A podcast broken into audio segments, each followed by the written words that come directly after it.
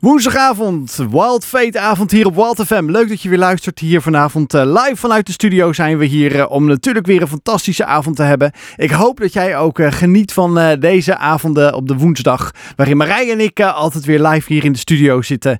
En daar natuurlijk een fantastische avond weer tegemoet gaan. Hoe gaat het met je Marije? Ja, gaat hartstikke goed. Ja, goed zo. fijn. Je ziet er weer stralend uit vandaag. Ik doe altijd mijn best. Ja, ja ik zeg altijd wel, het is de tweede beste geklede en uh, beste presentatrice van, de, van Nederland. Waar en ik, iedereen denkt, wie is dan de beste, Ja, dat is mijn vrouw natuurlijk, ja, Marijn. Maar ja, dat zeg ik wel vaker natuurlijk. Ja, die maakt ook een podcast, maar wel op een heel ander level. Of uh, geen radio zoals wij dat mogen doen hier bij, bij Walter FM.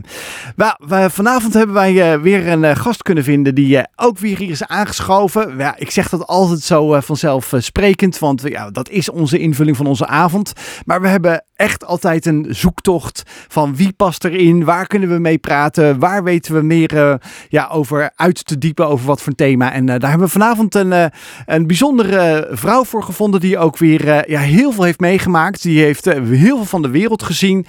die is echt gepassioneerd voor, voor cultuur, voor talen. Die heeft daar ook haar studie op gevolgd. Die heeft haar man gevonden in het leven. Maar toen opeens was daar een echte klap, want opeens plotseling in een ander land, in een andere cultuur, op een ander ja, niet continent, maar in het Midden-Oosten, in Jeruzalem, op plotseling tijdens een uitzending voor uh, een organisatie overlijdt haar man. De wereld staat stil uh, voor een uh, leven als, als van haar en van haar gezin, met haar kinderen. Want wat gebeurt er dan? Hoe ga je dan om met zijn situatie? Uh, ga je het uitschreeuwen naar Wild Fate over naar God van waarom gebeurt dit? Nee, zij keert totaal haar zwakte om in haar sterkte. Want het is niet iets wat haar ja, gebeurt en waar ze God de schuld van geeft, maar eigenlijk waarin ze ziet, wat kan ik hier mee doen? Maar dat gebeurt natuurlijk niet alle minuut, want daar heeft ze lang over ja, moeten steggelen uh, daar heeft ze veel voor moeten doormaken.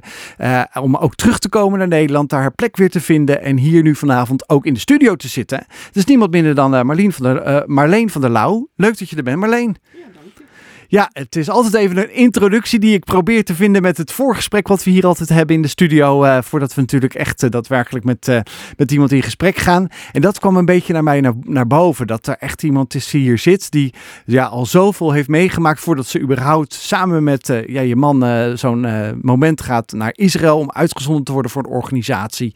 En dan ook plotseling iets, zoiets gebeurt. Zo'n heftig levensmoment. En dat is echt heel heftig. Maar ik ben heel benieuwd wat je ons vanavond daar eh, ook over uh, gaat vertellen. Over die kracht die je daar eigenlijk ook nu uitput. Maar uh, ja, we beginnen altijd een avond met het, het geluksmoment van vanavond. Ja, en ik ben degene die altijd aftrapt. Ja, Marije. Ja, kijk, we hebben natuurlijk een prachtige zomer uh, zo achter de rug. En ik ben er altijd zo dankbaar voor. Maar ik kijk ook altijd wel weer uit naar de herfst. En uh, dat is altijd echt wel uh, zo'n mooi moment waar je dan kijkt. het is nu nog lang niet dat de blaadjes gaan verkleuren. Maar de seizoenen van het leven, dat vind ik echt iets waarvan ik zeg, hè, daar kan ik echt het leven van genieten. Uh, elk seizoen heeft iets moois. Uh, ja, en de vaste luisteraar weet, ik hou zo van de winter. Dus, ja, ik wou net zeggen, je telt die maandag ja. Dan weet ik altijd, winter is coming. Ja, echt uh, fantastisch. Dus dat, dat zijn echt mijn geluksmomentjes. Gewoon de wisseling van de seizoenen ja, ze zeggen, de, de, de, wat is het ook weer? De, de, de, de herfst is 21 eh, september. Maar eigenlijk volgens mij is het meteorologisch 1 september, net als uh, zomer en winter. Dus uh, volgens mij is het al een beetje, dat, dat, dat, die herfst is al begonnen. Dus voor jou dichter bij de winter. ja, inderdaad zo. Nou, ik weet niet alleen of dat de winter ook jouw seizoen is. Maar of dat je, ja, wellicht is er iets waarvan je zegt, ja, dat is echt iets waar ik dankbaar voor ben. ja, dat zou ik graag met de luisteraar willen delen.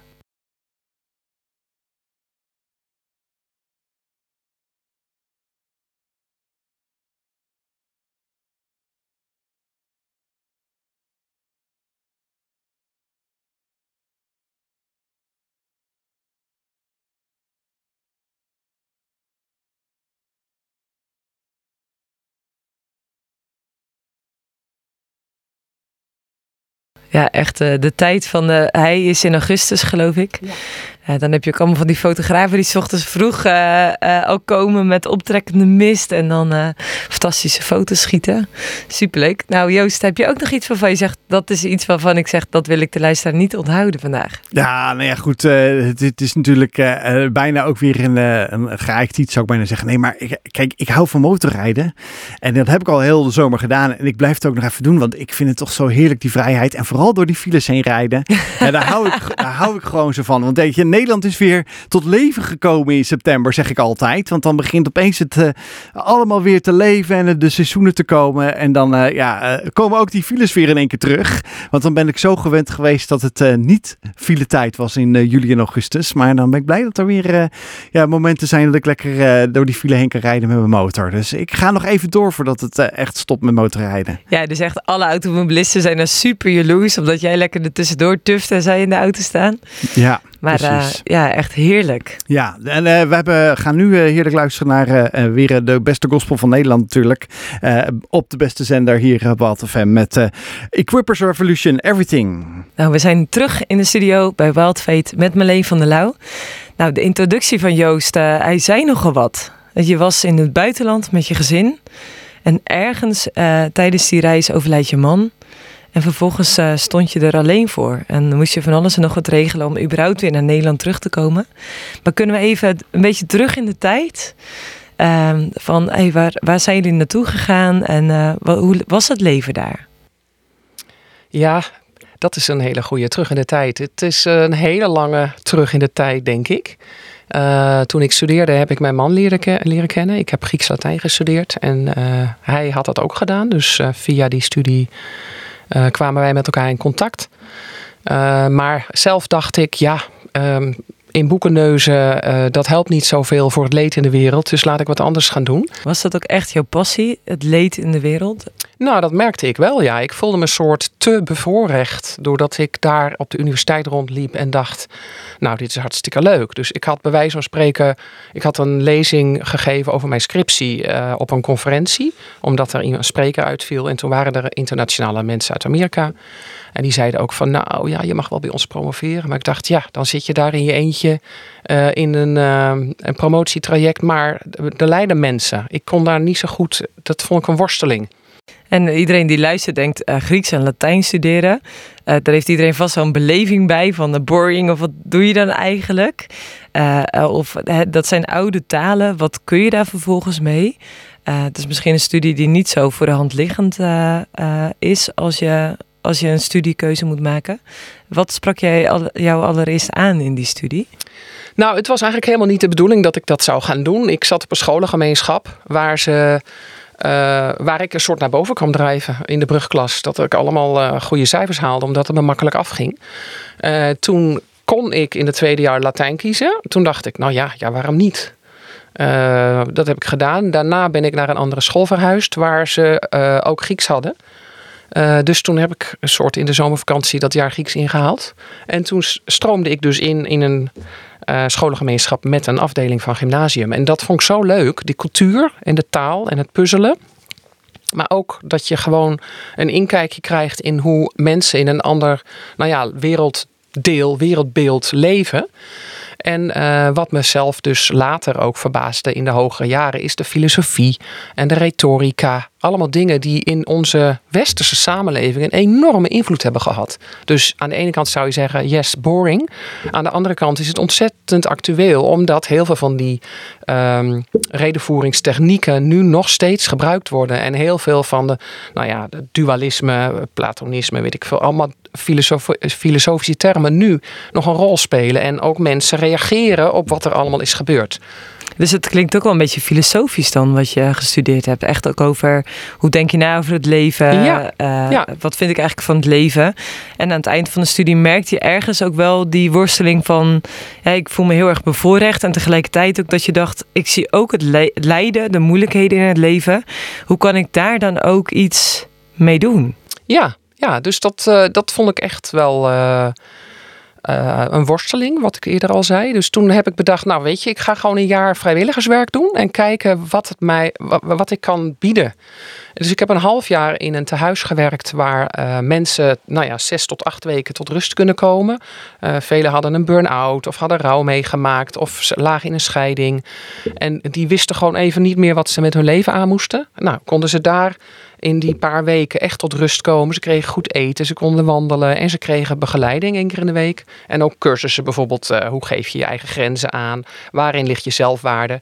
Nou, daar heb ik geholpen en ook veel verhalen gehoord van de gasten die daar kwamen.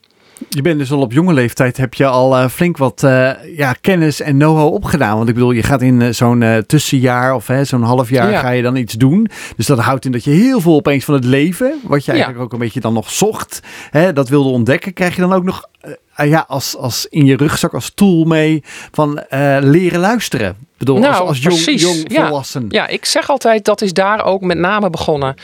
En uh, ja, daar heb ik ook vriendschappen opgebouwd, waardoor je ziet dat in leed vriendschappen gewoon heel waardevol zijn. En dat je een ander beluistert en vragen stelt en, en uh, er bent, present bent en doorloopt met iemand, ondanks dat het moeilijk is. En uh, ja, dat heb ik daar wel echt geleerd, denk ik. Dus, ik denk, als één ding moeilijk is in het leven, is wel dus uh, het lijden, de moeilijkheden van iemand kunnen ja. verdragen. Dan ja. niet te denken, oké, okay, uh, na twee, drie keer, ik heb genoeg gehoord. Pak ja. je leven bij elkaar.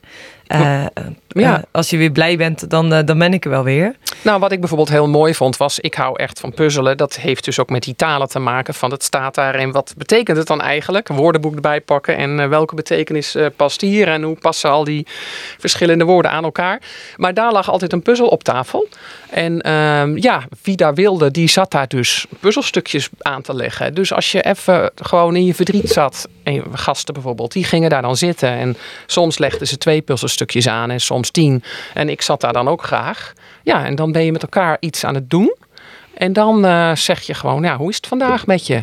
Ja, nou, en dan krijg je een verhaal. En dan is het, omdat je wat doet samen, makkelijker om daar ook over in gesprek te raken. Maar het hoeft ook niet.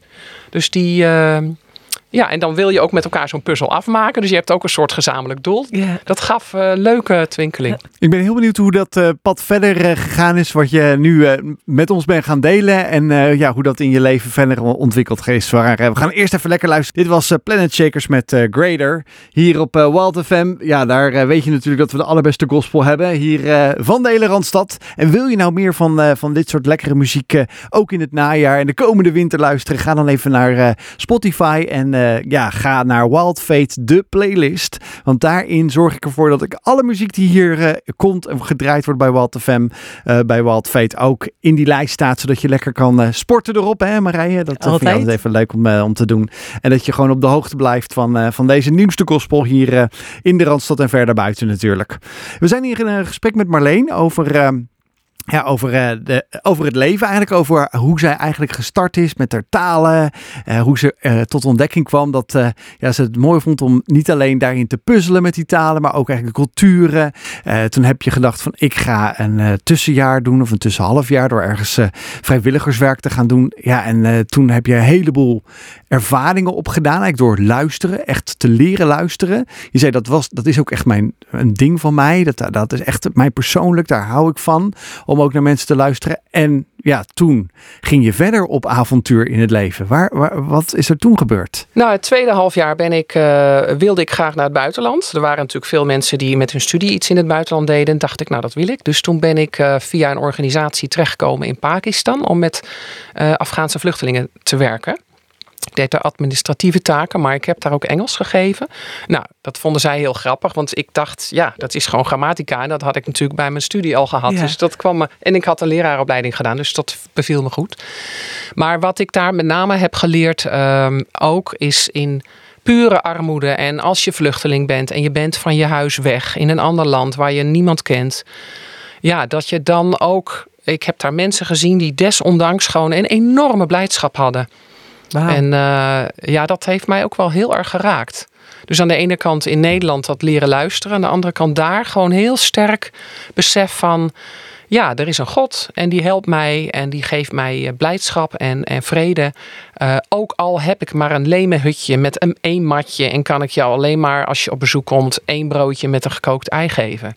Dus toen ik daar in dat vluchtelingenkamp een keer op bezoek kwam bij een van mijn leerlingen, ja, dat vond ik gewoon heel, laat ik zeggen, heftig. Maar ook heftig op een goede manier. Dat je denkt, die man stond zo te stralen. Die was zo gastvrij, zo dankbaar. Ik had echt het idee dat hij een soort, uh, nou ja, aan het, aan het uh, uitstralen was. alsof God in hem was of zo. Terwijl ik denk, ja, je hebt hier helemaal niks. Hoe kan dat nou? En wij in Nederland maar mopperen. En klagen over, ja, maar dit moet beter en dat moet anders. Het tegenstelling daarvan vond ik zo groot. Want was um, God echt ook de factor dat hij dus, ondanks de ellende uh, moeten vluchten, alles kwijt. Uh, niks anders in je lemenhutje te hebben dan ja, een broodje ei wat je aan, uh, aan kunt bieden aan een gast. Nou, in die cultuur is gastvrijheid een van de belangrijkste dingen. Ja. Um, was dan voor hem ook een leven met God zo belangrijk dat dat echt het verschil maakte tussen ellende, geen perspectief zien en hoop en vreugde, wat je zo schetst? Ja, dat is, dat is uh, denk ik uh, zeker zo te zeggen. Hij uh, was echt een heel gelovig man. hij had ja, in de loop van zijn jaren door mensen, denk ik, iets over Jezus gehoord en was in hem gaan geloven. En dat gaf hem gewoon heel veel vreugde. Dat Jezus ook in lijden aanwezig is en juist altijd van je blijft houden, zonder dat je zelf dingen moet doen. En dat gaf hem daarin ook wel de kracht. Wow. Is ja. het voor jezelf, was het ook echt een, een geloofsboost die je voor jezelf hebt gekregen toen? Of was je toen je naar, uh, naar, naar Pakistan ging, was dat, uh, was dat al in je eigen leven ook duidelijk? Dat is een hele goede vraag. Ik heb er wel eens over nagedacht. Maar ik merk dat er, als ik terugkijk op mijn leven, dus twee dingen zijn die voor mijn richting heel belangrijk zijn geweest. Namelijk dus dat luisteren in het Nederlandse setting. En die man in, in zijn kleine leme uh, vluchtelingenhutje um, met zijn stralende gezicht. Ja. Die twee. En de, alles valt weg, maar Jezus is daar. En dat, ja, dat, dat kende ik niet zo. Ik geloofde wel, ja, ik ben christelijk opgegroeid. Dus je gaat dan naar een kerk en, en je hoort uh, diensten en je praat met mensen. Maar die pure vreugde en die totale uitstraling van liefde en, en blijdschap, ondanks niks. Snap je? Dat, dat had ik op die manier nog nooit zo gezien. Gewoon mind-blowing. Hoe oud ja. was je toen? Um, ik was uh, 25, 26 ah, denk ja. ik. Dus niet super jong, want ik had dus mijn hele studie al achter de rug. Maar dat heeft mij wel op een ander soort um, uh, track gezet in mijn ja. leven. Zo bijzonder hè, dat je zegt dat je terug kunt kijken op momenten in je leven en echt kunt zien, wauw, dat zijn momenten geweest die zo'n positieve impact op me hebben gehad, dat het eigenlijk richting heeft gegeven aan mijn leven. Ja. Het is wel leuk als je nu ook luistert om voor jezelf eens na te denken van, hey, heb ik ook eigenlijk van die eikpunten in mijn leven, een, iemand die je ontmoet of een ja, situatie waarin je bent geweest dat je echt zegt, hé, daar heb ik iets in gezien. Of ik zag iets in die persoon en ik ben zo benieuwd, wat is dat dan? En wat Marleen deelde over die man dat lemenhutje, die vluchteling in Pakistan, uh, dat die, dat die zoiets uitstraalde waarvan je denkt, ja, maar dat kan helemaal niet. Als je kijkt naar de situatie waarin je zit, ongekend dat je dan zo vol vreugde in het leven kunt staan. En dat heeft haar leven veranderd. Ja, en dan is het waanzinnig dat ik, ik kies muziek uit, niet wetende wat het thema is. Maar ik heb hier een waanzinnig nummer met een thema, dat heet Witness van uh, Jordan Verlies. Ja, dan uh, ben je getuige zoals uh, Jordan Verlies hier van een Neon uh, verder remix. dat natuurlijk heerlijk draait en zingt hier op, op Wild FM. ja, en een getuige die, die Marleen heeft ontmoet eigenlijk. Die stralend over Jezus staat te praten. of eigenlijk over te getuigen over wie hij is. maar we zijn hier voornamelijk ook natuurlijk ook om meer te weten over hoe jouw leven verder gegaan is Marleen. Want ja, je neemt die ervaringen mee. nou ja, en dan, en dan verder. Hoe, hoe is je verder je, je leven doorontwikkeld?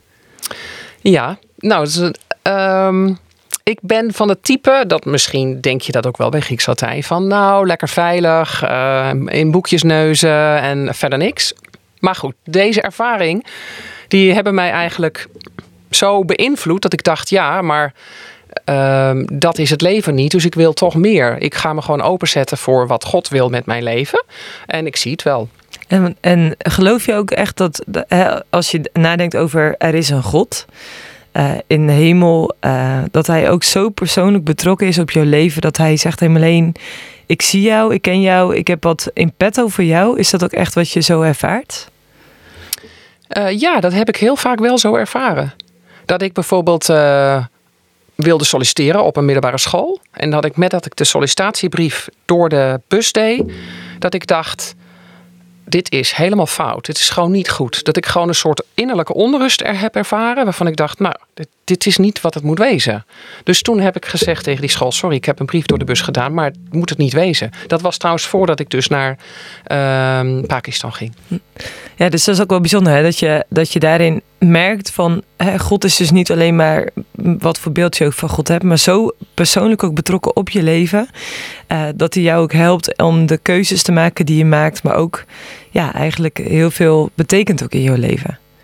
En waar kwam je toen uit? Toen je echt zei van nou heer, wat is dan uh, datgene wat ik mag gaan doen?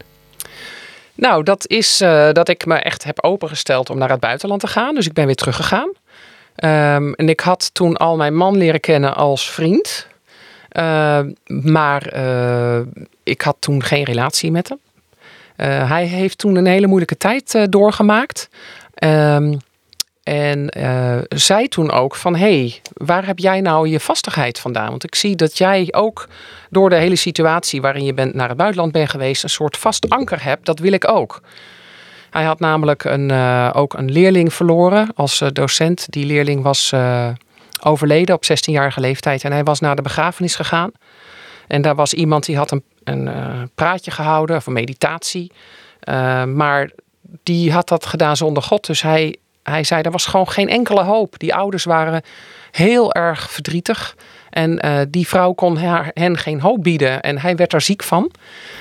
Uh, letterlijk ook. Letterlijk, ja, hij is een week ziek geweest. Dus toen hij daarna weer op school kwam, toen uh, vertelde hij dat. Toen zei ik, nou ja, ik weet niet, ik, ik vind het een beetje vervelend. Maar ja, wij hebben net uh, de Leidersweek. Dus we denken na over de dood van Jezus. En zondag is het Pasen. Heb je zin om mee te gaan? Want dat is juist, Pasen is dat Jezus uit de dood is opgestaan.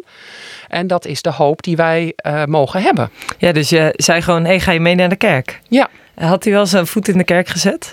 Nou ja, als uh, familie, als gezin gingen ze vroeger vaak op vakantie. En zijn moeder wilde altijd ook even in een kerk.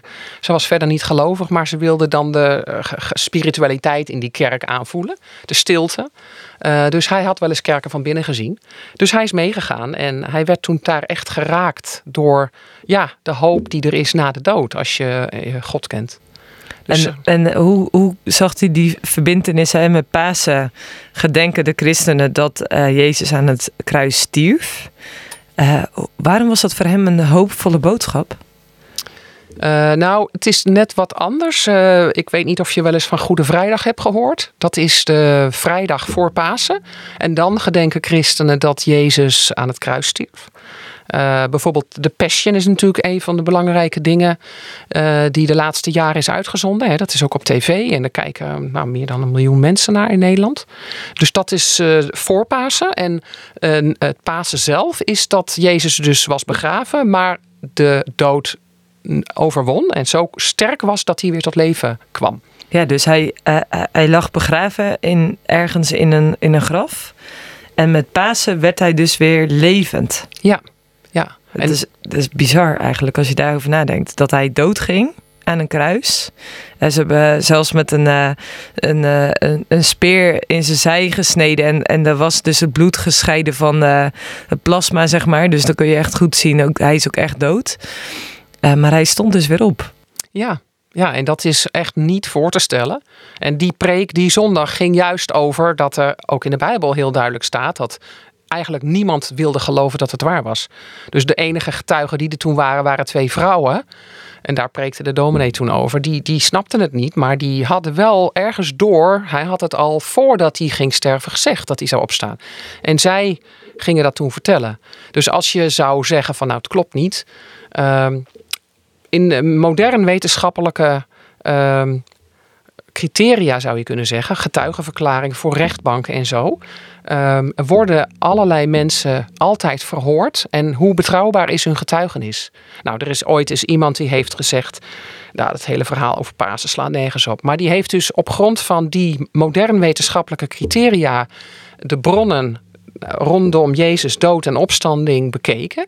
En die moest dus erkennen dat als hij met de ogen van een rechter of een advocaat of een, eh, nou ja, moet kijken naar wat betrouwbaar is, zegt hij de, de, de betekenis van uh, de getuigenissen rondom Jezus dood en de schrik en de angst en hoe, hoe gek dat eigenlijk is, dat wordt zo open en eerlijk verteld in de Bijbel. Dat kan niet anders dan waar zijn op grond van de moderne wetenschappelijke criteria. Wow.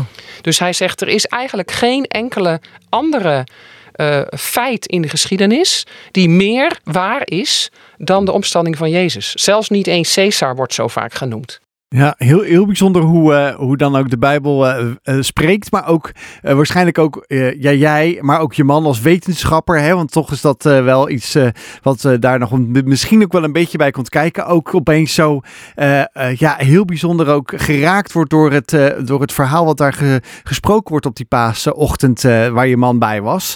Ja, en volgens mij sowieso is Pasen dan een echte happy day. En misschien ook wel een bijzonder toen ook voor je man. En daar hebben we natuurlijk niemand minder dan Retain heeft daar een waanzinnig nummer over geschreven en gemaakt. Happy Day. Nou, we hoorden net over uh, uh, ja, eigenlijk een uitdieping, een wetenschappelijke uitdieping ook over uh, Pasen, wat daar gebeurt. En ja, hoe jouw, jouw man ehm, ja, meeging naar die dienst na een groot verlies van een leerling waar hij letterlijk ziek van werd. En je zegt hij werd geraakt tijdens die dienst. Wat betekende dat voor hem ook vervolgens? Ja, hij is zich daarna meer gaan verdiepen in de Bijbel, Bijbel gaan lezen. Hij is met de dominee in gesprek geraakt en heeft daar ook veel geleerd eh, op een soort leergroep binnen de gemeente. En heeft toen ook echt gekozen om Jezus te gaan volgen. Um, ja, en hij had zelf in zijn jeugd al heel veel interesse opgedaan voor um, de Sovjet-Unie. En allerlei landen binnen de Sovjet-Unie, de verschillende culturen, daar had hij ook boeken over. Dus toen hij hoorde dat ik dus in Pakistan was geweest, Um, toen was er in diezelfde kerk een vriendin van mij, die werd uitgestuurd naar Oezbekistan om daar in een kinderthuis te werken. Toen zei hij, nou zullen we haar op gaan zoeken. Dus dat hebben we gedaan.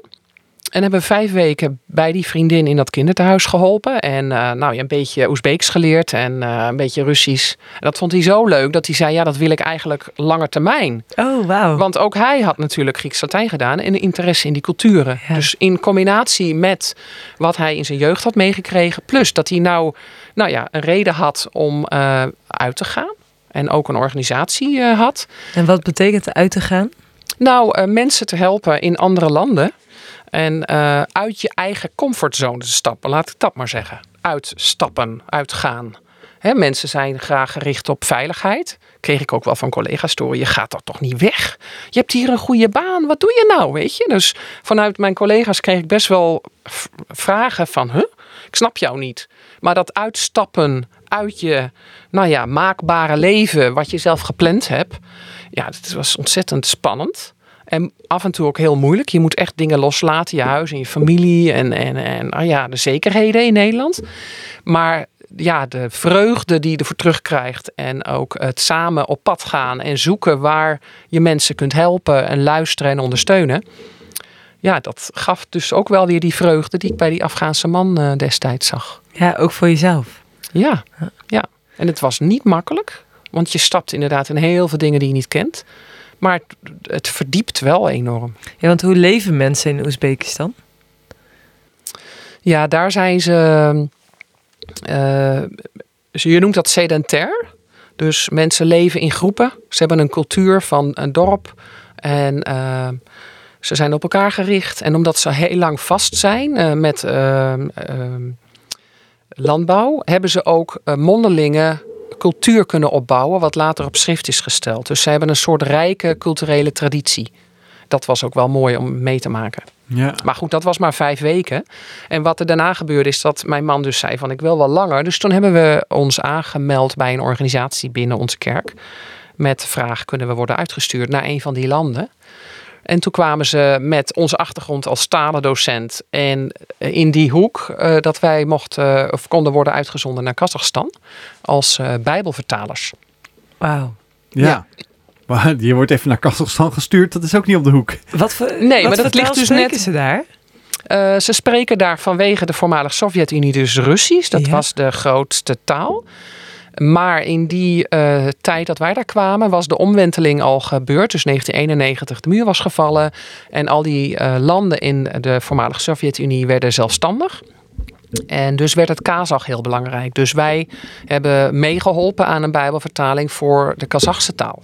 Oké, mooi, uh, mooi moment om dat ook uh, te mogen doen met jullie professie en passie voor, uh, voor andere culturen en mensen. Ja. Ja, en toen teruggekomen naar Nederland.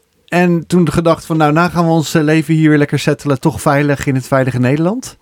Nou, nee, want ja, als je eenmaal in het buitenland bent geweest en andere culturen hebt geproefd, uh, vind je het prettig om daar ook weer uh, mee weg te gaan.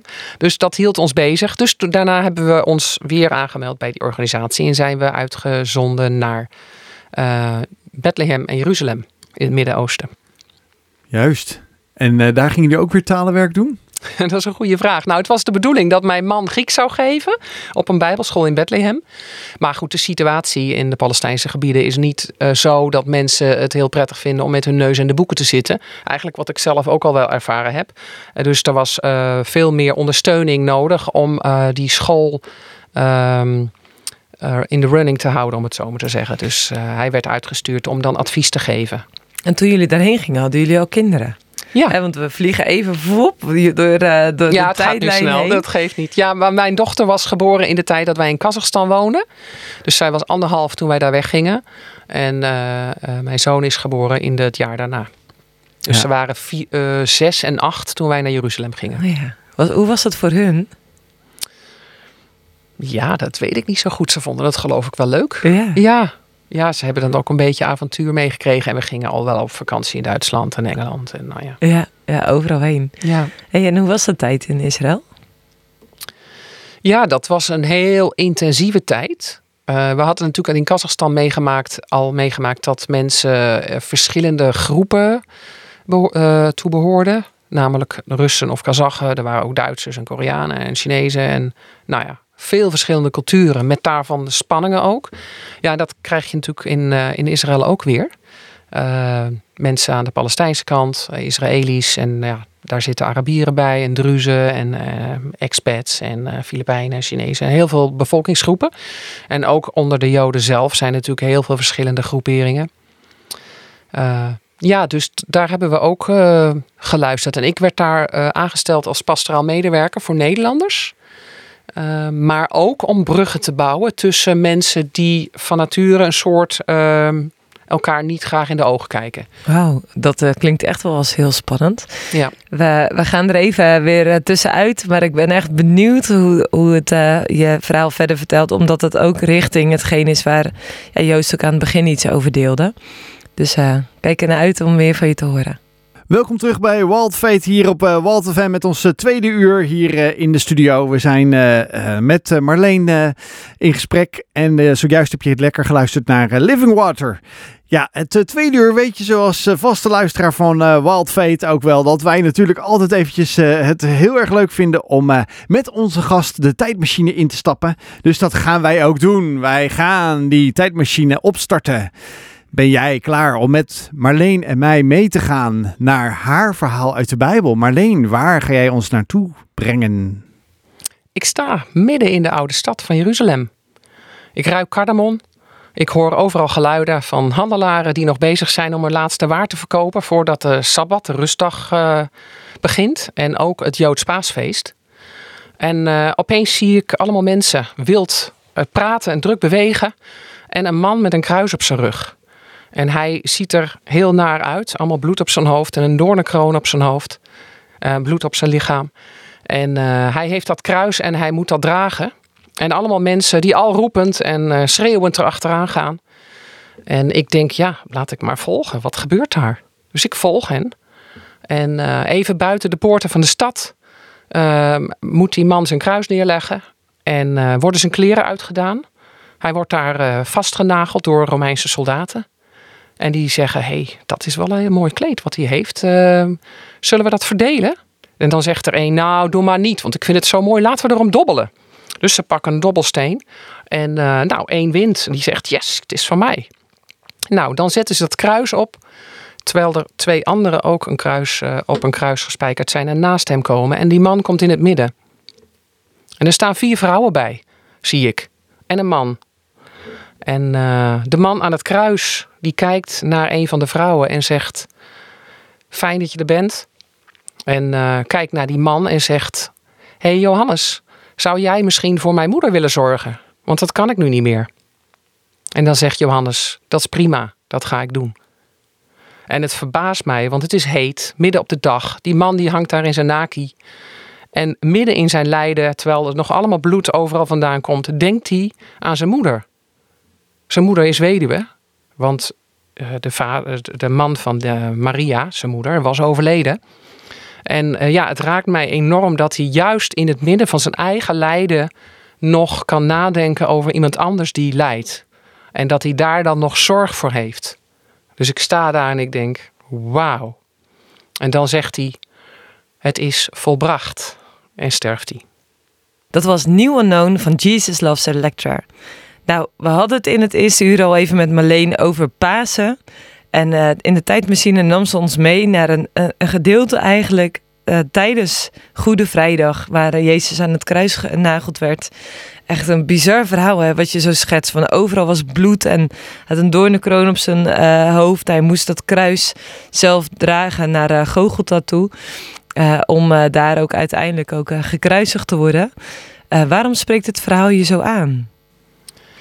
Ja, dat, vroeger had ik daar minder mee, denk ik. Ja, omdat het een soort gruwelijk is. Maar juist als je weet dat er zoveel mensen lijden, vind ik het heel bijzonder dat uh, Jezus, die zichzelf ook God noemde, Gods zoon, dat hij dat op zich nam, dat hij datzelfde pad inging. En dat hij dus niet lekker in de hemel bleef bij zijn vader, uh, maar dat hij zei: Als je echt lief hebt, dan ga je mee met dat lijden. Ga je dat lijden in. En wat is lijden eigenlijk? Nou, lijden is dat je alles loslaat wat fijn voor je is. Alle zekerheden loslaat. Die zorgen dat jij zelf je pad kan kiezen. En dat er allerlei mensen dingen met je doen die jij niet kunt controleren. En dat je het over moet geven. Uh, terwijl daar ook is uh, de uitspraak: ja, kijk, als God liefde is, dan.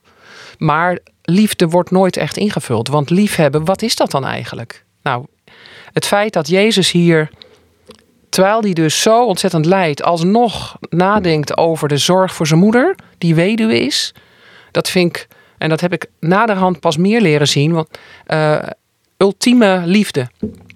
Dat ik denk, juist liefde voor iemand die ook lijdt, terwijl je zelf zo lijdt.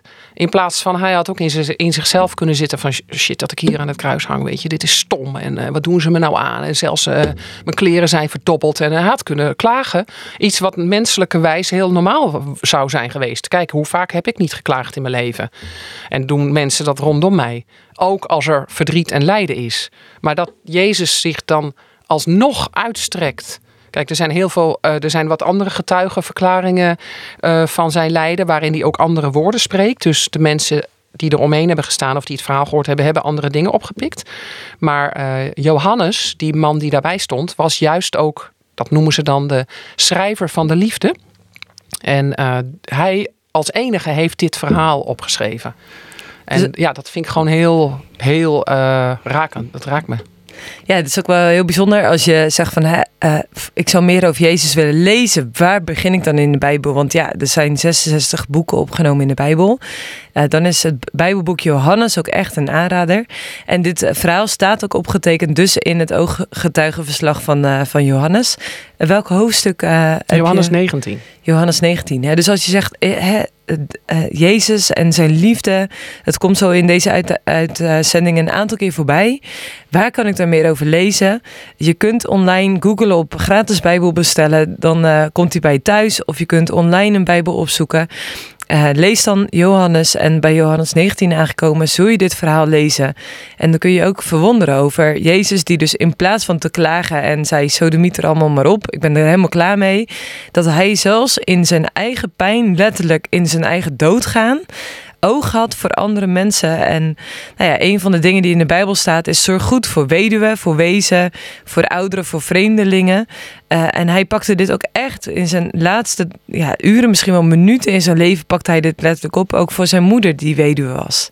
Bijzonder. Ja, ja, ik had dat nooit zo gezien, want er staat in de Bijbel af en toe van ja, dat moest zo gebeuren om de wet te vervullen. Nou, de wet gaat dan over het Oude Testament. En de christenen uit die tijd hebben ook leren zien dat al heel vaak in het Oude Testament voorzegd was wat er zou gaan gebeuren. En bij deze staat er dus ook dat deed hij. Uh, en dat was het laatste om de wet te vervullen. Nou, dat had ik nog nooit zo gehoord ooit. En dat heb ik pas later begrepen toen ik zelf weduwe werd. Ja. Want... Zelf weduwe werd. Oh, we missen wat in het verhaal, geloof ik. Want we zaten nog in Israël dat je daar met je man was uitgezonden. Ja, dat klopt. Ja. Um, mijn man is daar heel plotseling overleden. Dus uh, wij waren daar vier jaar. We waren met Palestijnen aan, uh, nou ja, praten en met Joden. En we, dienden onder hen, zou je kunnen zeggen. En we waren toen ook naar Nederland geweest. Um, tijdens een vakantie om lezingen te geven over de situatie daar. En uh, kwamen heel moe terug. We hadden net acht lezingen gegeven. En in die week nou ja, hadden we nog wat Nederlandse groepen. En toen is hij. Toen hadden we weekend. Dus het was zaterdag. En toen ging hij even onder de douche. En toen duurde het erg lang voordat hij terugkwam. Dus toen zei mijn zoon: Ja, ga even kijken waar papa is. En toen ben ik wezen kijken. En toen lag hij dus overleden op de, in de badkamer. Nee, ja. Wat dus, ging er door je heen? Ja, dan denk je echt, dit kan gewoon niet waar wezen. Het kan niet. Weet je, ik gilde zo ah, door, door, de, door het huis. Papa is dood. Weet je, zo. Dat, dat eh, kan niet. Dus ik was echt uh, totaal uh, in shock. Gewoon, ja. Dat ik echt, het is gewoon, het is het, haast een grapje van dit. dit je gelooft dit zelf niet gewoon. Maar ja. toch was het waar. Maar toch was het waar, ja. Ja. Dus uh, ja, toen was ik wel in paniek. Wat moet ik nu? Het was daar dus sabbat, dus er was niks open. Uh, er was verder niemand. En uh, wij woonden op een soort uh, flat waar ehm, net nieuwe buren waren komen wonen. Maar voor de rest was, waren twee andere appartementen leeg. Dus mijn dochter zei, je moet naar de buren. Dus daar ben ik naartoe gegaan. En ik heb twee vrienden, vriendinnen gebeld. Eén is dokter, maar die ehm, was niet thuis. En de ander die kwam. Dus na een half uur was die bij mij. En nou ja, ja, dan staat je wereld op skop. Dat je echt denkt van, nou, wat moet ik nu, weet je? Dan zit je in je eentje met twee kinderen, jonge kinderen in het buitenland. En je weet helemaal niet wat je moet doen. Dus dat was wel paniek in de tent. En... Nee, want in Nederland, als dat je overkomt, is dat al een heel. Uh, je hebt er nog nooit over nagedacht, wat moet je dan doen? Maar dan zijn de paden nog een beetje hè, dat je denkt: oh ja, dan moet je of de huisarts bellen. Je kunt in ieder geval ergens advies vragen of de begrafenisondernemer, lijkt mij dan. Ik heb het zelf nog nooit meegemaakt, gelukkig. Maar dan zit je in het buitenland en dan, dan is de vraag, hè, maar hoe lopen de protocollen daar? Ik bedoel, ja. Dat nee, dat was ook echt hartstikke lastig. Ja, maar goed, ik, dat was wel een wonder. Ik uh, ben dus naar de buren gegaan. Zelf kreeg ik een soort, na een half uur shock, kreeg ik een soort uh, enorme rust over me heen. Um, dat ik dacht, nou, dit is ook niet van mezelf, want ik zou nog gewoon in shock moeten zijn. Um, en toen uh, heb ik ook aan die buren gevraagd van zouden jullie iets voor mij kunnen doen. Dus die hebben een ambulance gebeld en die kwam. Ja, dan hebben die dan nog dus bepaalde protocollen moeten doen om te kijken uh, of ze hebben nog proberen te reanimeren. En die hebben dan uiteindelijk ook het mortuarium gebeld. Maar goed, voor de verzekering ook. Wat doe je dan? En, en wie krijg je aan de lijn? En het was zaterdag, dus alles was dicht daar, maar ook in Nederland. Iedereen is met kantooruren lekker uh, in het weekend op vakantie of uh, in de tuin, weet je. Dus het was heel gek. Dit was uh, Walk on Water van David Joyce. We zijn in gesprek met Marleen en die vertelde net voor, de, voor dit nummer eigenlijk even over ja, de heftige moment dat ze meemaakte dat haar man plotseling overleden was tijdens het douchen. daarin in een onbekend land, of nee, niet onbekend, maar in ieder geval onbekende situatie, ja, moest handelen en ja, daarin gelijk naar de buren gegaan is. Maar tijdens dat moment, eigenlijk een half uur na het overlijden van je man, kreeg je een bepaalde rust over je. Dat je dacht van, uh, ja, dit moet ik doen, zo moet ik handelen. Uh, kortom, ik krijg, uh, ik zou in shock moeten zijn, maar ik krijg rust. Het is wel heel bijzonder eigenlijk als zoiets gebeurt midden ja, in, in een land met, waar je niet eigenlijk vandaan komt, met je kinderen erbij. Ja. dat je zo'n rust krijgt. Ja, ik was er zelf ook ontzettend verbaasd over. Maar het was alsof de hemel openging en een soort, ja, God zelf, paf, erbij was of zo. En ik kreeg, ja, dat overkomt je. Dat, uh, dat, dat was heel bijzonder. En uh, ja, ik, dat wil niet zeggen dat ik geen verdriet had, want ik had ontzettend veel verdriet. En ik heb heel veel gehuild en ik snapte ook niet waarom het gebeurd was. Aan de andere kant, ik hoefde het ook niet te snappen, want God was daarbij. Ik heb dat echt als God ervaren, die rust. En uh, ja, dat heeft mij er wel ook een soort uh, doorheen geleid. En uh, nou ja, achteraf die tijdmachine. Jezus heeft geleden. Hij was God, zegt hij. En hij heeft aan het kruis gehangen en hij zorgde voor zijn moeder. En er staat ook ergens in het Oude Testament, of niet ergens, maar regelmatig, dat God nabij is de weduwe en de wezen, de vreemdelingen. Dat noemde je net al, uh, Marije. Uh, en dat, dat heb ik toen heel sterk mogen ervaren, denk ik. Ja, dat is heel bijzonder. Is dat echt een, een soort van bovennatuurlijke ervaring die je dan hebt gehad? Een soort van, ja, enorm dat bovennatuurlijk. dat, dat, ik gewoon denk, dit kan niet. Ik had bijvoorbeeld later, moest ik uit mijn huis... En dat is ook iets aparts. Dan denk ik, ja, dat uh, kan je wel vertellen, maar ik geloof het zelf haast niet. Uh, huis moest helemaal leeg. En die buren van mij, die wilden wel uh, het bureautje van mijn dochter op de kamer. Maar goed, toen wij in dat huis kwamen, hadden we best veel van de vorige bewoner overgenomen. Onder andere dat bureautje met een soort plankensysteem aan de muur. Um, en toen stond ik daar, moest dat er allemaal af, want ik moest het kaal opleveren. Dus ik probeerde met mijn schroevendraaier die uh, plankenstellage van de muur, nou geen geen, geen beweging, in te krijgen. Dus ik mijn zoon roepen, ja tien. Maar hij zegt, ik ben sterk mam, ik kan je wel helpen. Dus hij geen beweging in te krijgen. Nou, ik dacht, ja wat, die, die buren waren ouder. Die man was ziek. De vrouw uh, had ook geen uh, kracht. En voor de rest was er niemand. Het moest die dag eruit. Ja, toen dacht ik, ja, ik voel die kracht. En, en Jezus, ja, die was ook zoon van de timmerman. Dus ik, heel simplistisch misschien. Ja, Heer Jezus, u was timmerman. Uh, help mij maar een beetje, want ik heb die kracht niet. Dus ik weer, en ik had er echt al een half uur staan wrikken. Dus mijn arm deed zeer. Dus ik nog een keer, tik, ging die open. En het waren vier schroeven. Wow. En ik echt, hè? Dit kan helemaal niet. Nou, dat zal wel niet, weet je. Ik dus die drie andere, dik, dik, dik, tien minuten. Ik zei, ja, sorry hoor. Ik dacht dat het uh, een grapje was, maar ik moet toch weer een keer uw hulp. Dus nog maar een keer. Wilt u het alsjeblieft doen? Dus ik, tik, deed hij het weer. Ging die weer open. Nou, ik, vier, vier schroeven los. En ik kreeg helemaal kippenvel. Ik stond daar echt te huilen van dit kan toch echt niet. En ik kon dat van de muur halen. En ik kon het uh, plemuur, weet dat, uh, vullen met vuller en uh, netjes laten afspuiten. En mijn huis werd die dag dus schoon opgeleverd. Wow. Nou, dat is iets wat je gewoon ik dacht, wauw, God is nabij de weduwe en de wezen. Dat komt dan zo dichtbij. En dat is ook echt waar. Mensen die rouwen, daar is God ook gewoon vaak dichtbij. Uh, niet mensen die alles voor elkaar hebben, want dan kun je het zelf. En ik had het heel vaak zelf gekund. Heel vaak had ik zelf ook mijn dingen uitgestippeld. Dat is ook wel wat, wat we als mens zijn het liefst hebben. Dus je begon in de, met de uitzending al, hè? we hebben graag regie. Ja. Uh, het zelf doen, zelf controle ja. hebben. Ja. En je kwam nu echt opeens in een situatie waarin je merkt, ik kan dus som, sommige hele normale dingen kan ik niet meer. Of dat wat je gewend was dat je man altijd deed, ja, moest je opeens precies. allemaal zelf doen. Ja. Uh, je moest huis op. Het waren zoveel grote mensenkeuzes die je moest maken. Ja. Ja, want ook dat ik het huis leeg kreeg. Nou, we hadden zoveel dingen ook. Ja. En het was in april dat ik er al eerder uit moest. En binnen twee weken was gewoon alles wat weg moest verkocht. Mensen kwamen, konden dingen ophalen, goede doelen. Nou ja, en, en toen kon ik gewoon er binnen twee weken uit. Terwijl ik denk, ja, wie doet nou verhuizing in twee weken? Ja. Dat slaat nergens op. Spullen ook naar Nederland. met kinderen erbij. Ja.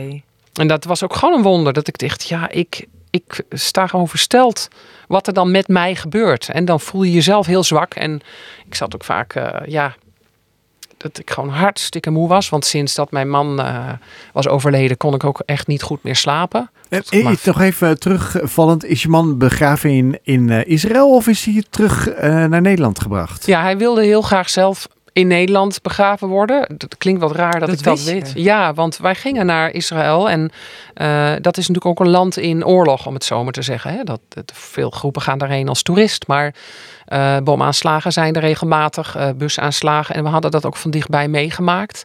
Her en der ook bij ons in de buurt werden mensen wel eens neergestoken. Dus we hadden al met elkaar besproken van wat als. En het was al een paar keer echt heel dichtbij gekomen. Eh, maar dan denk je dus aan terreuraanslagen en niet aan zoiets als ik ga onder de douche en ik kom niet meer terug. Weet je, dat was dus. Maar goed, hij zei ik wil naar Nederland. Dus dat kostte ook nog tijd voordat dat allemaal geregeld werd. En ja, uiteindelijk heeft hij een uh, graf kunnen krijgen en hij ligt naast zijn moeder begraven. Dus dat is ook wel heel bijzonder. Ja. Ja. Maar goed, toen moest je weer terug naar, naar Israël om daar dus de zaken af te handelen? Of, uh, ja, veel mensen dachten dat ik uh, naar Nederland zou gaan. Maar mijn dochter zei, mam, ik wil helemaal niet naar Nederland. Want wat heb ik daar nou? Wat ook wel logisch is na vier jaar. Want zij zat daar op een school. Mijn zoon zat op een school. En die mensen kenden ons allemaal. En ja, zij hebben als een warm bad ook om ons heen gestaan en ons geholpen met dingen. En de tijd, ik was ook gewoon door rouw een paar keer echt ontzettend oververmoeid en ziek. En er was uh, iemand van school, die haalde dan mijn kinderen op en die reed ze naar school. En uh, daar werd ook eten bezorgd uh, door expats die dan kwamen van nou hier eten voor drie dagen. En ook van de kantine van school. En nou, er werd gewoon heel liefdevol omheen gestaan. En ja, dat, dat vond ik gewoon bijzonder. Dus ik heb daar nog anderhalf jaar met mijn kinderen gewoond.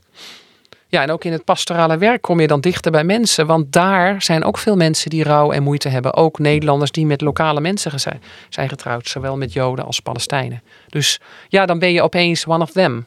Dit was uh, Looking for Me. Ja, dat is ook wel een heel erg uh, bijzonder thema, denk ik bijna, over wat Marleen ook net zegt. Van ja, dat er opeens uh, ja, bijna zo zeggen, ook naar jou werd omgezien op een bijzondere, bovennatuurlijke wijze zelfs. Uh, in een land waar je niet bent geboren, maar waar je bent als een expat. Maar waar opeens ook de mensen naar jou omkijken, maar waar je zelf eigenlijk ook nog zelfs meer kracht hebt. Want je hebt iets meegemaakt in een leven, uh, wat natuurlijk ja, een, een impact heeft, maar waardoor je eigenlijk ook nog meer misschien een luisterend oor bijna kan zijn voor een ander, maar jij ook misschien dat luisterende oor wel nodig hebt gehad. Ja, ik denk dat het een wisselwerking was. En in een, um, maar ja, het was. Uh, mensen spreken daar makkelijker over God. Niet iedereen gelooft in God. Maar uh, veel mensen bemoedigden mij ook. Dus wat ik vanuit Nederland vaak te horen kreeg was van je zult wel boos zijn op God. Terwijl zowel Joden als Palestijnen dan konden zeggen van ja, maar God is erbij hoor. Want dat heeft hij beloofd in de Bijbel. En um, en sommige mensen gingen ook extra voor je lopen. Want er zijn ook uh, mensen die geloven dat de, de, het gebed van een weduwe extra kracht heeft. Uh, omdat God dus die weduwe zo nabij is. Dat wist ik helemaal niet. Want in Nederland hebben we helemaal niet een, nou ja, soort nazorgsysteem van mensen die rouwen. Niet zoals daar. We hebben heel veel tradities overboord gegooid in Nederland. Maar daar is dat nog wel. Want wat, wat, wat is daar een traditie? Nou, um, er, staat ergens in het Oude Testament een, een tekst dat uh, als iemand een weduwe niet helpt en die weduwe roept naar God, dat hij uh, God zal helpen, maar ook degene die niet geholpen heeft, zal, nou ja, um, consequenties zal krijgen. Dus sommige mensen die dat heel letterlijk nemen, die zijn daar dus ook bang voor. Dus dan helpen ze extra. Oh ja. Maar dat is niet... het is wel, het is eigenlijk geschreven om juist heel alert te maken van, hé hey jongens, ja. heb dus juist extra oog dus voor de weduwe. Ja. Hey, en uh, waar had je op dat moment behoefte aan? Want je, je leven stond op zijn kop, je moest uit je huis, er was van alles en nog wat. Je kinderen wilden daar graag blijven. Uh, je werd praktisch geholpen, maar je merkt ook, hey, ik ben heel erg moe. Uh, je sliept niet altijd zo goed. Ja. Wat is hetgene als misschien wel. Ik kan me zo maar voorstellen dat mensen luisteren en zeggen: Ik zit nu zelf in een periode van rouw. Um, hè, ik heb een kindje verloren, ik heb een ouder verloren.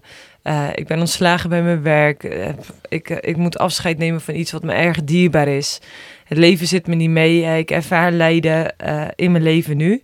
Um, ja, wat zou iets helpend kunnen zijn? Dus van, hé, maar zus of zo kun je dan doen om juist daar ook ruimte aan te geven en niet aan voorbij te stappen, wat we zo makkelijk doen.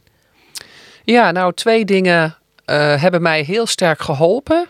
Eén um, was de directrice van de International School. Zij had zelf ook ervaring uh, dat haar man was overleden.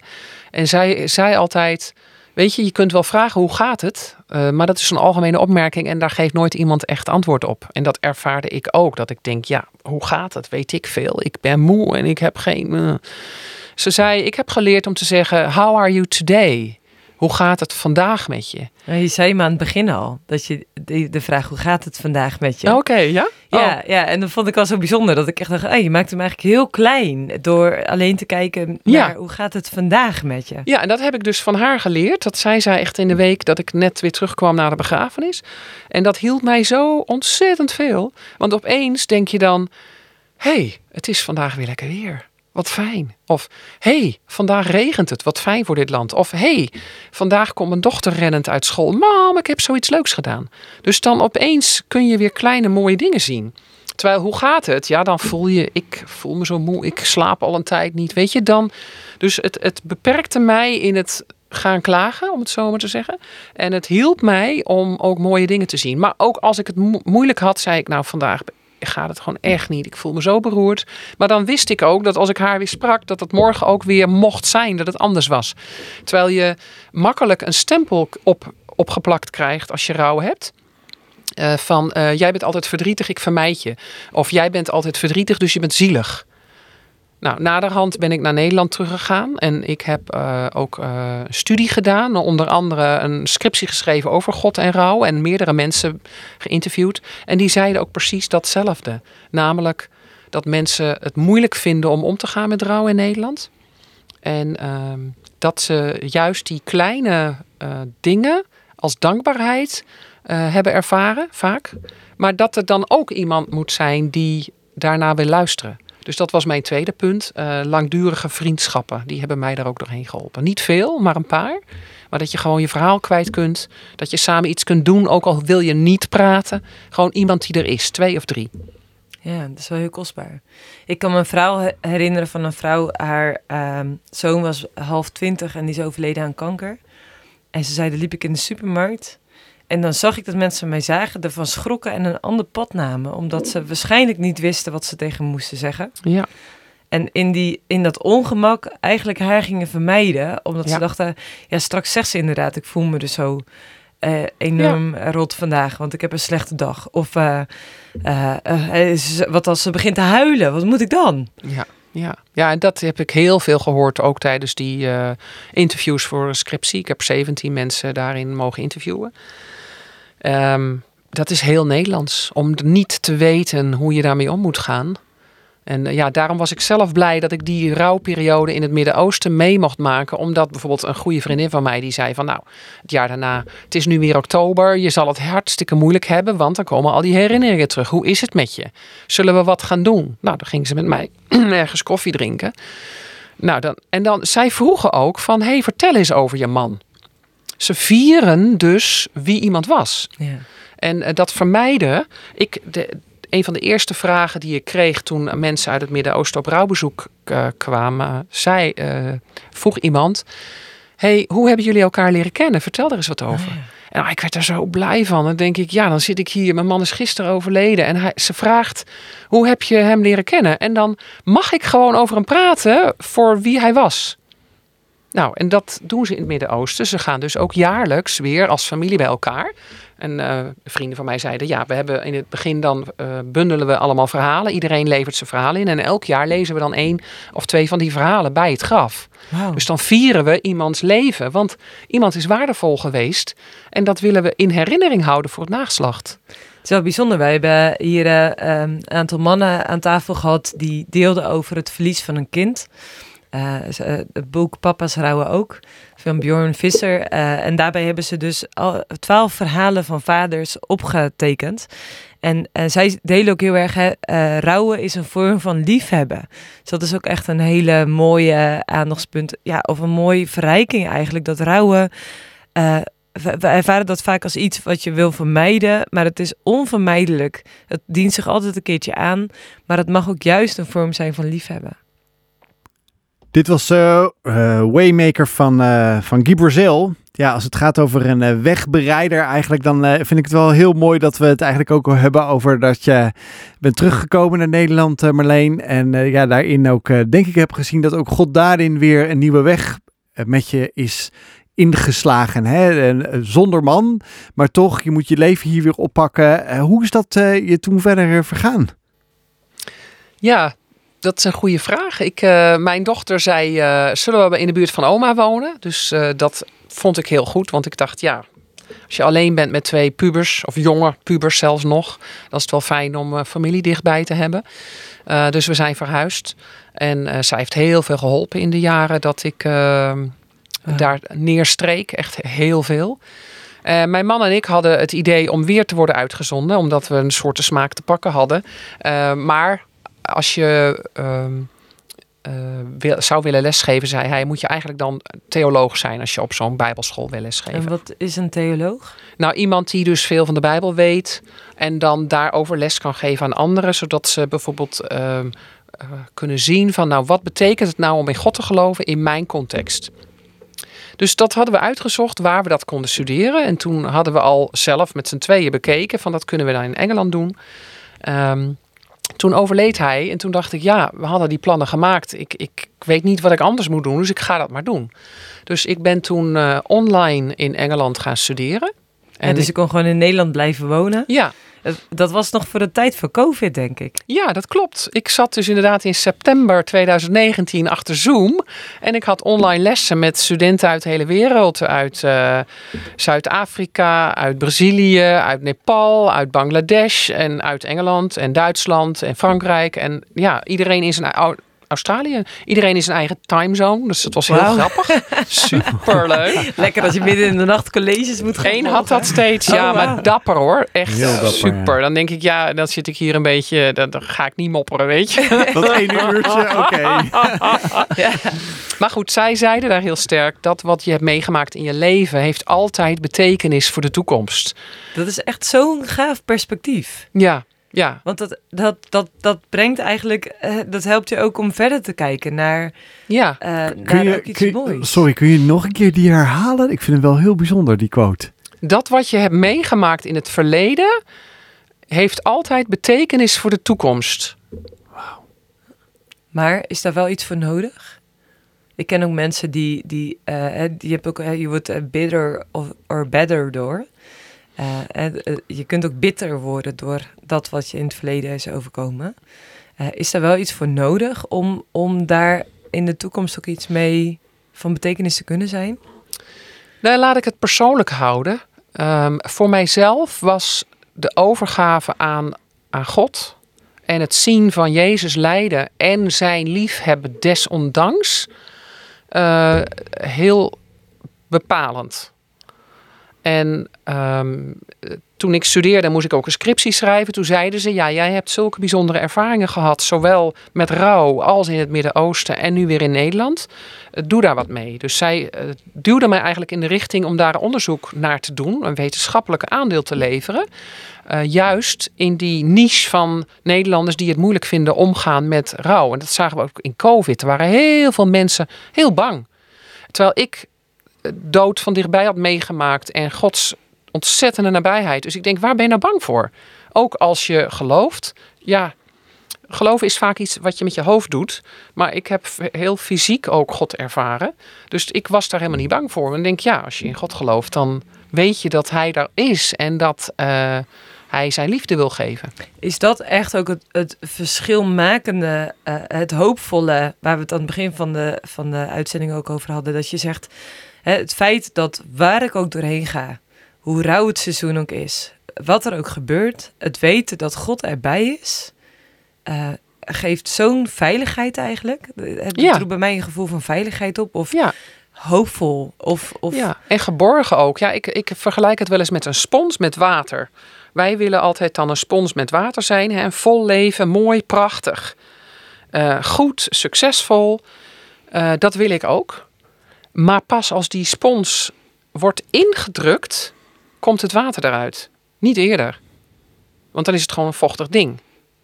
Uh, dus om lief te hebben, om werkelijk lief te hebben, puur, moet gewoon je leven een soort ingeduwd worden. En dat is helemaal niet leuk.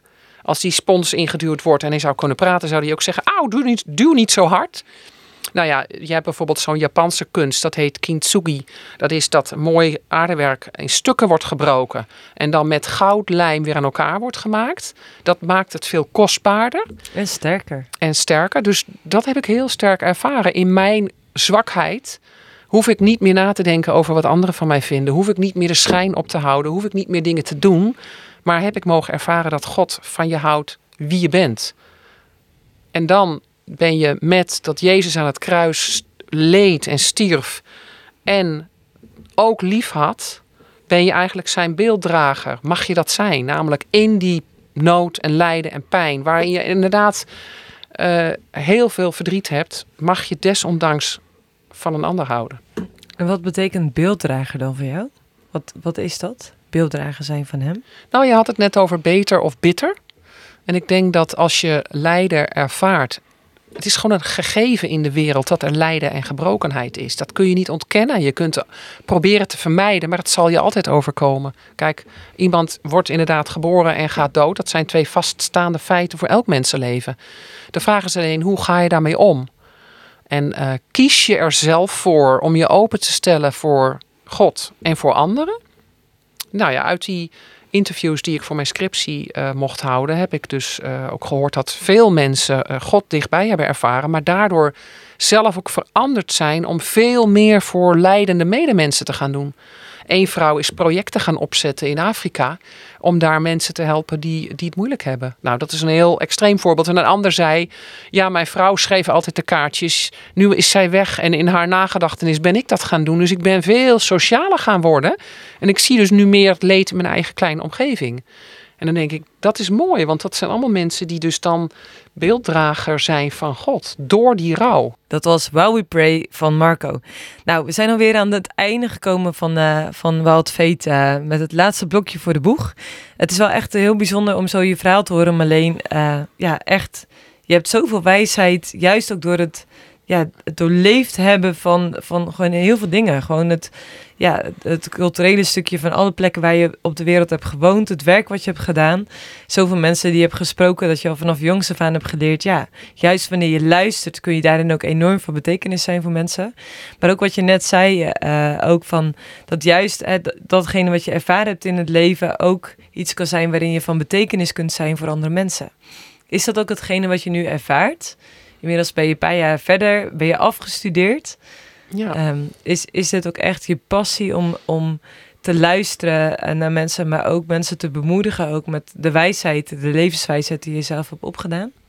Ja, dat denk ik wel. Dat denk ik wel. Ik uh, werk nu bij een organisatie die mensen helpt om uh, meer op Jezus gericht te zijn en zijn uh, liefde te ontvangen. En dan ook dat door te geven in de situatie waarin ze leven. Dus dat vind ik zelf heel mooi. Ik heb, eh, nou ja, laat ik zeggen, Jezus zoveel meer lief gekregen door wat hij aan mij gedaan heeft, dat ik daar heel graag over praat. Dus dat vind ik heel fijn. Uh, daarnaast um, merk ik dat ik nog wel een soort kwetsbaar ben in mijn fysieke toestand. Ik slaap nog steeds niet super, dus ik ben voor ik ben kostwinner natuurlijk. Uh, ik werk ook twee dagen uh, bij de HEMA, gewoon bij de horeca. Dus daar uh, serveer ik koffie en smeer ik broodjes. En praat ik ook met mensen die ja. daar komen. Dat is ook wel bijzonder. En ik doe ook nog steeds pastoraal werk, waarbij ik trajecten of mensen begeleid die met moeite komen en help hen dan om nou ja, terug te keren tot de puurheid zonder zich van andere mensen nou ja, uh, wat aan te trekken. Klinkt wat stom, maar niet dat ze naar andermans verwachtingen leven. Ja, dus echt authentiek te kunnen leven. Ja, precies. Het is misschien wel, als je nu luistert, ook wel uh, hetgene waarvan je zegt, ja, daar verlang ik eigenlijk extreem naar. Gewoon te mogen zijn. Ja. En jij zegt, hè, de liefde van Jezus te mogen ontvangen, maakt daarin het grote verschil. Als je leeft vanuit hen en niet wat je uh, oplevert, hoe succesvol dat je bent, wat je bereikt, hoe je eruit ja. ziet, hoe dikke auto dat je rijdt. Dat is allemaal niet van betekenis, omdat dat gewoon ten diepste je hart niet kan vullen. Ja. Gewoon je ja. kunt laten zijn zonder dat je hè, dat altijd maar weer bij moet houden en moet presteren en moet leveren. Ja. Um, en, en wat als iemand zegt, hé, hey, maar ik wil meer weten over die liefde van Jezus. Hoe kan iemand daar meer over ontdekken? Ja, dan zou ik zeggen, um, je kunt bijvoorbeeld de Bijbel gaan lezen. Of je kunt ook op internet zoeken naar uh, iets meer over de Bijbel te weten te komen. Uh, als je wilt kun je bijvoorbeeld googlen op Alpha en dan uh, je opgeven voor een Alpha cursus. Die begint ook weer in dit seizoen, september, oktober. Um, ja, zo kun je wel stapjes zetten richting, nou ja, meer van Jezus leren. En ja, dat zou ik wel iemand gunnen.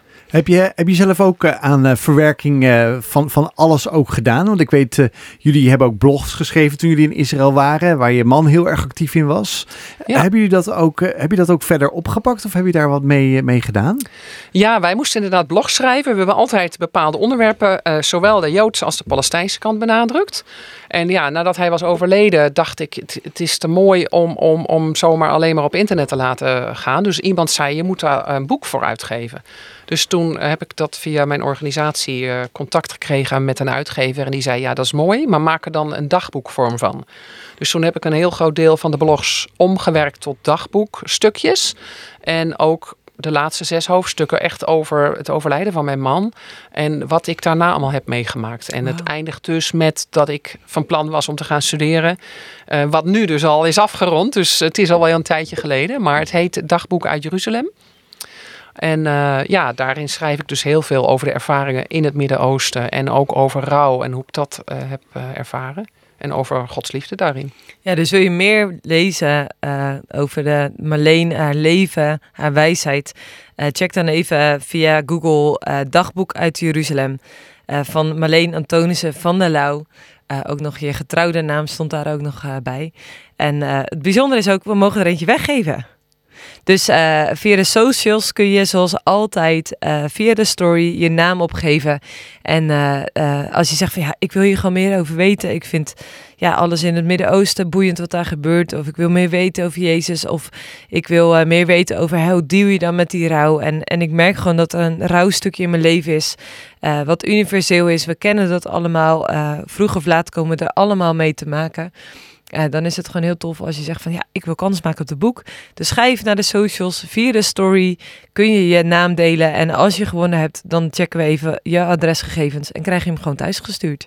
Dus uh, ik zou zeggen, even doen. Ja, het is wel heel gaaf dat wij hier eh, bij Wild ook echt over geloof mogen praten. Wat betekent dat nou in je dagelijkse leven? In voor- en tegenspoed, letterlijk en figuurlijk. Hè? In diepe dalen, maar ook op hoogtepunten. en ik denk dat Marleen daar heel erg open over is geweest. Daar wil ik heel erg voor bedanken dat je vanavond dat ook hebt gedeeld met, met ons, met de luisteraar.